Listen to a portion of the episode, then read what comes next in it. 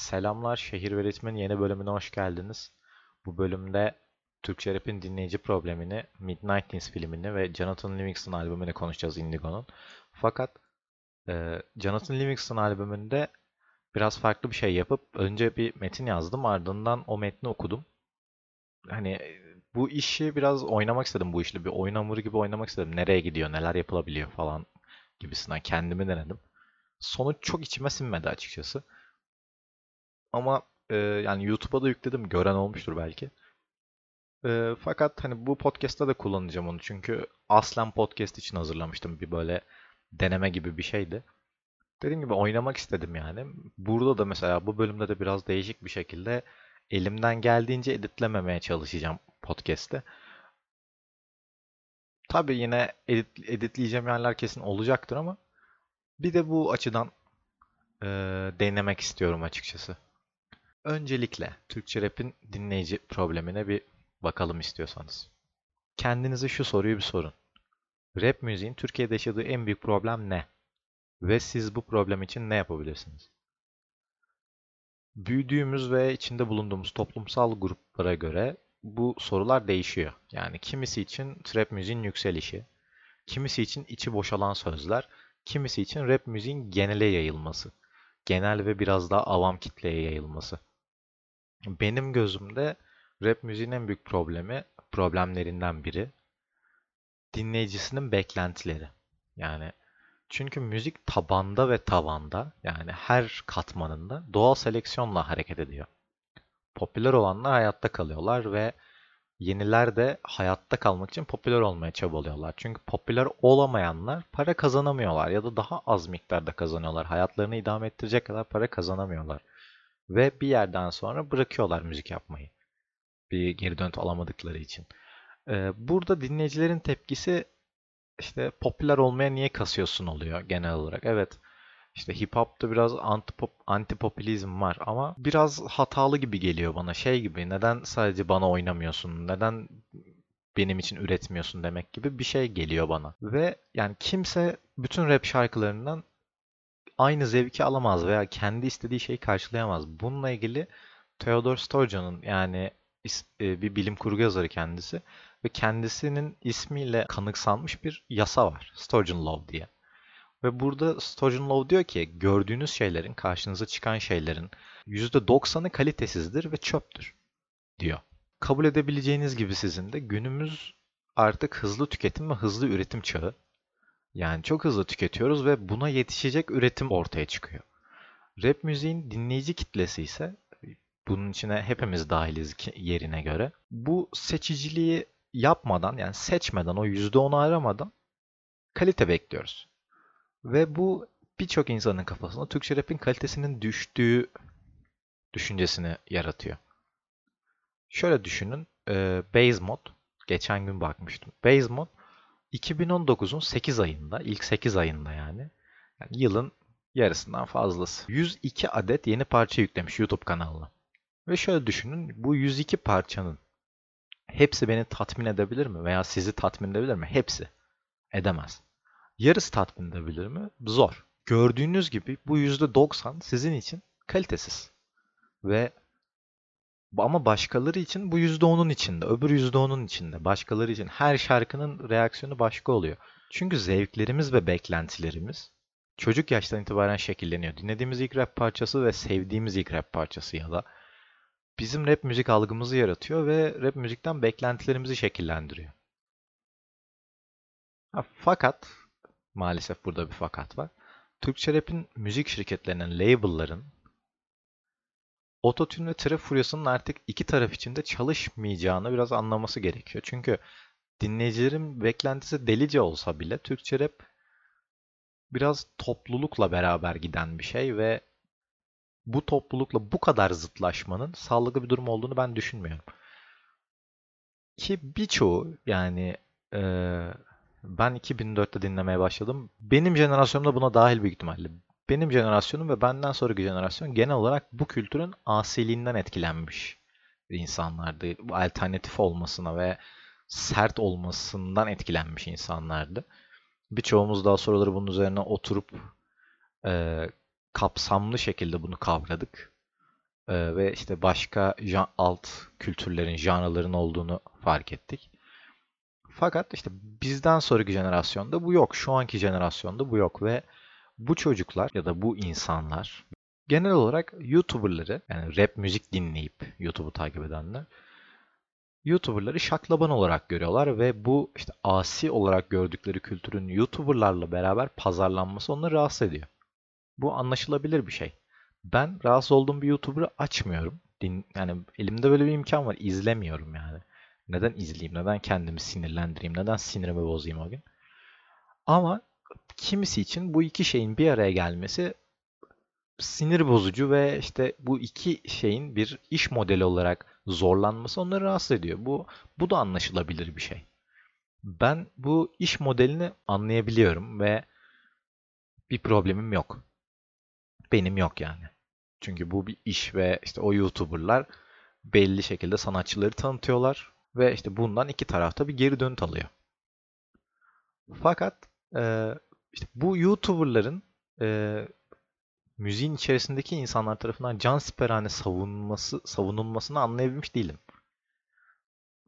Türkçe rap'in bu as, asıl kitlesinin yani kemik kitlesinin bu kadar göz ardı edilmesi ve işte onların neredeyse hiçbir şey bilmeyen insanlar durumuna düşürülmesi bence hoş değil. Çünkü bu uzun bir maraton ve bu göz ardı ediliş sağlıksız bir durum ve bu sağlıksızlığın savunulması daha sağlıksız bir durum.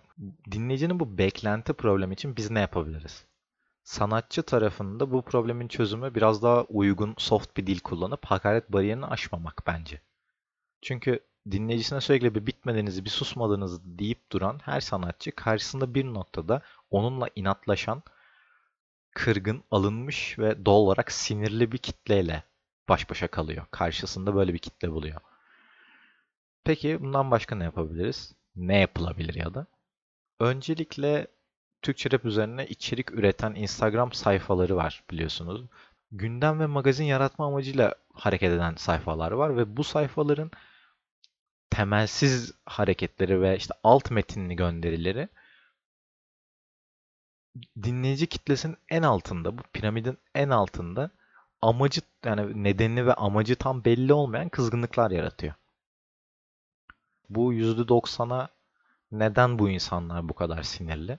Benim bu konuyla alakalı teşhisim ya da düşüncem bir aidiyet problemi. Yani bu bir aidiyet problemi. Çünkü son 3 yılda bu kültür çok hızlı değişti ve kimi noktalarında artık tanıyamaz hale geldik. Birkaç yıl öncesine kadar ortalıkta görünmeyen YouTuber'ların ve sözde kurumsal YouTube kanallarının bu kültüre hücumu, kültürün hiçbir noktasında olmayan içeriklerin müzik, müzikal ve pazarlama olarak eleştirilmesine ya bu aslında bu kültürün tam ortasında siz bunu anlamıyorsunuz diyerek bunların savunulması kültürü çok deforme eden bir şey ve inatla bu deformasyonun savunulması daha çok insanları itiyor. Yani şu da var bu e, deformasyonun içerisinde. Bir müzisyenin para kazanma amacıyla kendi canrısının dışında işler yapması, çok anlaşılabilir bir durum. Hem para kazanıyorsun hem yeni yeni şeyler öğreniyorsun müzikle alakalı. Çok deal yani çok okey. Ama bu iş sonrası işte tepkiden kaçmak için kültürün deformasyonunu normalleştirmeye çalışmak bana inanılmaz garip geliyor göğüs gelecek cesaretiniz yoksa neden böyle bir adım atmaya çalışıyorsunuz? Hadi adım attınız, göğüs de geremiyorsunuz. Neden kültürü eğip bükmeye çalışıyorsunuz? Bu bence kariyerlerinin başında yani çünkü gençler rap müzik sanatçıları bu açıdan söylüyorum. Kariyerlerinin başında olan insanların bu kadar negatif bir durumu kemikleştirmeye çalışması ters tepiyor. Bu ters tepme de şu. Dinleyiciler de dinledikleri müzikleri ve benimsedikleri kültürü sorgulamaya başlıyorlar. Çünkü neden sorgulamasınlar? Artık ait hissetmiyorlar bu kültüre kendilerini ve öfkelerini çünkü siz onları koparıyorsunuz, zorla koparıyorsunuz ve bu aidiyetsizlik yüksek beklentilere, daha büyük hayal kırıklıklarına ve sadece %90'a odaklanmaya sebebiyet veriyor. Bu sorunun çözümünün de artık sanatçıların dinleyiciyi salak yerine koymamasından ve hem dinleyicinin sakinleşmesinden ve %10'u aramasından geçtiğini düşünüyorum. Biraz rahatlamamız gerektiğini düşünüyorum bazı konularda. Bazı konularda sanatçıların ve şirketlerin de biraz düşünmeleri gerektiğini düşünüyorum. Biraz garip, garip bir cümle oldu ama siz anladınız bunu. Gelelim Midnight Teens'i. Midnight Teens'i ben 3, 4, 5, 6 ay önce falan izledim. Tam tarihini hatırlamıyorum. Çok oldu ama izleyeli. Yani yeni bir dönemde izlemedim. Ee, öncelikle ilgimi şey çekti. Hani Jonah Hill yazmış ve Jonah Hill genelde komedi filmleri de rol alan bir arkadaşımız kendisi. Google'a yazarsanız göreceksiniz kim olduğunu. Ve işte trailer'ı izledim. Ben böyle bir komik film işte çocuk çocuklar oynuyor.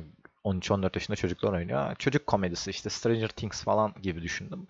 Trailer izledim ve kaykaylar Allah Allah arkada hip hop çalıyor falan böyle ve işte Los Angeles'ta geçiyor zaten hikaye. Böyle çok garipsedim yani olayı. Dedim bir bakayım. Steve adında bir arkadaşımız var. Bu arada spoilersız. Steve adında bir arkadaşımız var. 13 yaşında bir çocuk ve kendisi böyle ergenliğe yeni girmiş ve sorunlu bir hayatı var, aile hayatı var ve Los Angeles'ta böyle bisiklet falan sürerken şey görüyor. Bir kaykay yapan çocuklar görüyor. Kendisinden büyük çocuk 18-19 yaşında çocuklar görüyor ve böyle kaykaya düşüyor deli gibi. Ve işte genelde e, her sahnede hip hop çalıyor. Hip hop duyuyoruz ve Jonah Hill de zaten verdiği röportajlarda tam bir böyle hip hop delisi gibi konuşuyor falan. E, röportajları var yani YouTube'da izleyin denk gelirseniz. Çok etki o beni etkiledi yani. Jonah Hill'in bu kadar bir hip hop'e çıkması wow oldum böyle. Saygılar. Filmin alt metni sınıf ayrımı, ırk ayrımı ve ayrıcalıklar yani e, zenginliğin getirdiği ayrıcalıklardan ziyade ailedeki küçük çocuk olmanın getirdiği ayrıcalık ve dezavantaj, avantaj. Bunların hepsinin filmde işleniyor olması katman katman ve bu Jonah Hill'in yazdığı ilk ilk film yönettiği de ilk film ve yani, bunlar başarı gerçekten. Sonra e, şunu düşündüm yani filmde bir aidiyet var. Yani e, Stevie bu gruba kendine ait hissediyor bir noktadan sonra. Spoiler yok yine. Ve şunu düşündüm yani aslında 2000'li yılların başında yaratılan hip hop jenerasyonunda, Türkiye'deki hip hop jenerasyonunda böyle bir şeydi. Yani müziğe bir aidiyet vardı. Çünkü müzik o insanları tanımlıyordu. Tam bunun üzerine e, ben bu podcast'i yani Midnight'in üzerine çekecektim podcast'i. Tam o sırada Dapoet'i gördüm. 2009 parçasını ve O Ne Diyor.com röportajını geldiğim yer belgeseli için. Ve okey dedim yani tamam her şey kafamda oturdu. Çünkü gerçekten 2000 yılların başında rap müzik hepimizi tanımladı. Bir yere ait hissetmek isteyen insanları, bir kültüre ait hissetmek isteyen insanları, kendisini değersiz gören insanları, çocukları bir şekilde bir şekle soktu her birimizi. Ve sosyal hayatında başarılı olan insanları da bir şekilde evrimleştirdi. Bizi de bir şekilde evrimleştirdi. Her birimiz rap müzikle beraber değişimler yaşadık. Yaşı biraz daha büyük olanların belki benim de içlerinde dahilim buna. Düşündüm bunu. Değişime bu kadar direniyor muyuz acaba diye düşündüm. Hani sonra bu kendimi geçerek söylüyorum. Yani kendimi eleştirmekten korktuğum için değil. Ben o kadar değişime direndiğimi düşünmüyorum. Çünkü değişim çok okey bir şey. Yeni müzikler, bir şeyler değişiyor dünyada. Hani ben hatırlıyorum çünkü tüplü tüplü monitörler vardı. O ekranlardan şu an ince bir laptoptan kayıt alıyorum yani. Değiştiğimizin gayet farkındayım. Ben çocukken veya işte ben ergenliğimin başındayken akıllı telefon çok böyle wow bir şeydi. Bunların hepsini değerlendirdiğim zaman müziğin de değişiyor olması çok doğal yani. Neden değişmesin ki zaten? Ama burada sanırım işte bir kısım da var yani. Bir kısımda bu kendilerini var eden şeyin artık onları var etmeyeceğinin farkında. Bu filmden sonra bunu biraz düşündüm çünkü film de bunu gayet güzel işliyor. Ve Stevie oynayan çocuk ismini bilmiyorum. Mükemmel oynuyor gerçekten. Yani böyle bir şeyi izlemenizi isterim. Yani bir yere aidiyet duygusu bende hip hop'la oturmuş mesela. Yani benim için eşittir hip hop. Ve hani böyle hip hopçu arkadaşlarım hiçbir zaman olmadı. Ben her zaman şey çocuktum. Böyle rap dinliyor diye böyle kötü kötü rap parçalarını getirip sen bunları mı dinliyorsun falan denen çocuk bendim maalesef. Hiç böyle rapçi arkadaşım da olmadı açıkçası. O dönem böyle YouTube'dan falan kovalamak bana çok enteresan geliyordu. Özellikle böyle elime CD geçtiğinde ki işte ya akrabalar alıyordu ya başka şekillerde elime geliyordu bir şekilde yani. İnanılmaz mutlu oluyordum. Sonra işte MP3 player'ların dönemi başladığında MP3 player'ları takas ettiğimizi hatırlıyorum sadece. Birkaç böyle rap dinleyen arkadaşım vardı ama hani başka şeylerin yanında rap dinliyorlardı onlar ve böyle çok rap bilinciyle dinlemiyorlardı ama işte onlarda ben de parçalar duyup alıyordum onlardan. Ben de kendi MP3'lerimi veriyordum ama pek bir şey almıyor. Mid-19's yani bu podcast'i izledikten sonra gidin bir izleyin ve şu gözle bir bakın. Yani evet rap müzik gerçekten bende de böyle bir etki yarattı mı acaba? Bu arada şunu da bahsetmek istiyorum. Aslında hiç planım da yoktu ama şeye çok ön yargılıydım geldiğim yer belgeseline. Tebrik ediyorum açıkçası. Yani şu ana kadar e, Kayra yayınlandı ve Dapoet yayınlandı. Gözümden kaçmadıysa diğerleri. Ve işte beklentim kötü yani. Çünkü biraz e, çok fazla reklamla ortaya çıktı ya. Çünkü o ne diyor ve Fizi. Böyle şey oldum açıkçası. Meh bir şey geliyor herhalde falandım ama bu kadar kaliteli olacağını düşünmüyordum. Yani çünkü hem Kayra gerçekten kendini ifade etme fırsatı bulmuş hem de Dapoet'i biraz daha iyi tanımışız. Yani Dapoet'i yıllardır dinlememe rağmen Dapoet'i bu kadar tanımadığımı fark ettim ben mesela. Çünkü geldiğim yer bir belgesel diye geçiyor. Bir belgesel olarak çok harika bir iş. Yani tan ta komple tanıyoruz artık. Ben hani Kayra'yı yine biraz açık röportajlarından falan biliyordum ama Dapoet'i hiç bu kadar bilmiyordum. Ee, tanımıyordum. Bu açıdan emeği geçen, o projede emeği geçen herkese tebrik ederim. Destek veren insanlara da tebrik ederim. Sanatçılara da teşekkür ederim. Yani kendilerini ifade ettikleri için. Tabii daha bütün sanatçılara gelecek diye biliyorum. Yine gözümden bir info kaçma, bilgi kaçmadıysa. Umarım bu kalitede devam eder. Yani gerçekten güzel ve işte istediğimiz bir şeymiş aslında. Bu tarz bir olay. Jonathan Livingston, Türkçe rap adına en çok sevdiğim albümlerden biri. Kişisel olarak hayatımın çok zor ve sıkıntılı bir döneminde dinlediğim bu albüm, ilgimi direkt olarak kitabın ismini taşımasıyla çekmişti. Daha çocuk yaşta okuduğum kitap, hayatta benden daha büyük şeylerin parçası olduğuma dair bir his uyandırmıştı. Richard Bach tarafından 1972 yılında yazılan kitap, Martı dünyasının bir üyesi olan Jonathan'ın bu toplum olan eleştirilerini, ve kendine yarattığı yeni yolu işliyordu. Martıların tek hedefi karınlarını doyurmak iken Jonathan için önemli olan yemek değil, uçmak. Her geçen gün sınırlarını zorlayan Jonathan bu çabası yüzünden toplumdan tepkiler görmeye başlıyordu. Albümü parça parça incelemek istemiyorum. Bu yüzden genel olarak albümde benim adıma öne çıkan şeyleri konuşacağım. Indigo bu albümüyle beraber bizlere yeni bir ifade seti ve o dönem görmediğimiz farklı bir hikaye anlatımı sunuyordu. Türkçe rap daha önceleri hikaye anlatımını daha edebi ve fantezi çerçevesinde gerçekleştirirken, madde bağımlısında olduğu gibi Jonathan'da daha düz ve gerçek dünya yakın hikayeler işliyordu.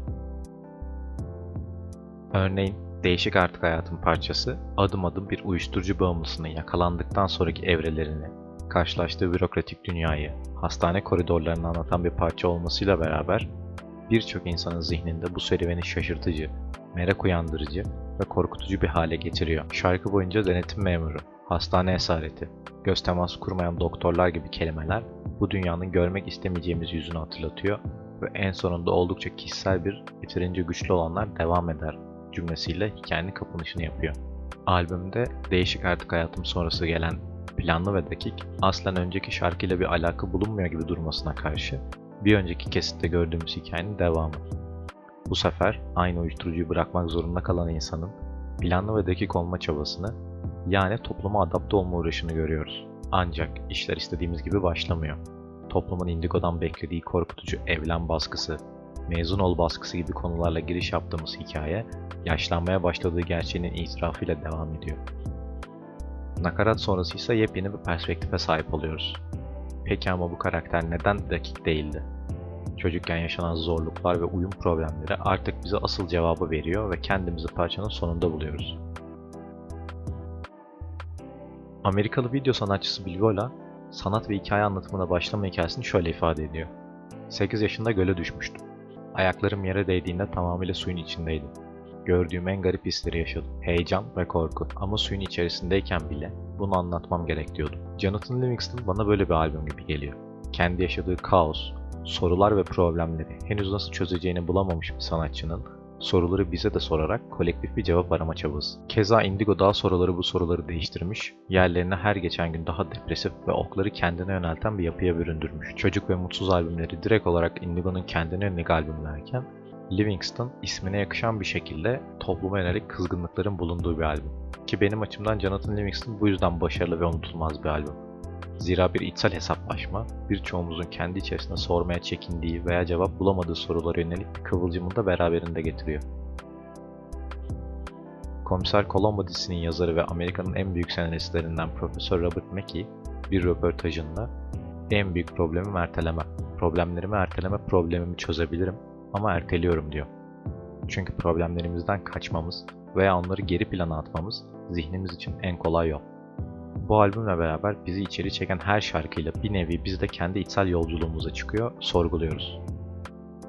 Indigo ile beraber toplumu, baskıyı, sorunları, disiplini sorguladıkça her şarkıyla beraber kimi rahatlıyor, kimi de daha rahatsız oluyor. Albümün kendi içerisinde en büyük zayıflığı ise Çoksa Para parçasında barınıyor sanırım. Tarz ve vokal olarak albümün en dışarıda kalan parçası Çoksa Para, intro ve albümdeki genel perspektiften uzak. Hali hazırda satılık buzdolabı parçasının karşıladığı maddi perspektifin daha yüzeysel bir dışa vurumu olan parçanın özellikle giriş şarkısı oluşu hemen ardından gelen parçalara adapte olmayı zorlaştırabilen bir etmen. Zira bu içsel yolculuğa hazırlanma öncesi harika bir intro ile başlayan albümün bu tarz albümün geri kalanından kopuk bir şarkıyla devam etmesi çok büyük bir sorun ortaya çıkarıyor. Çoğu zaman sinema ve edebiyatta en önemli şey hikayedir.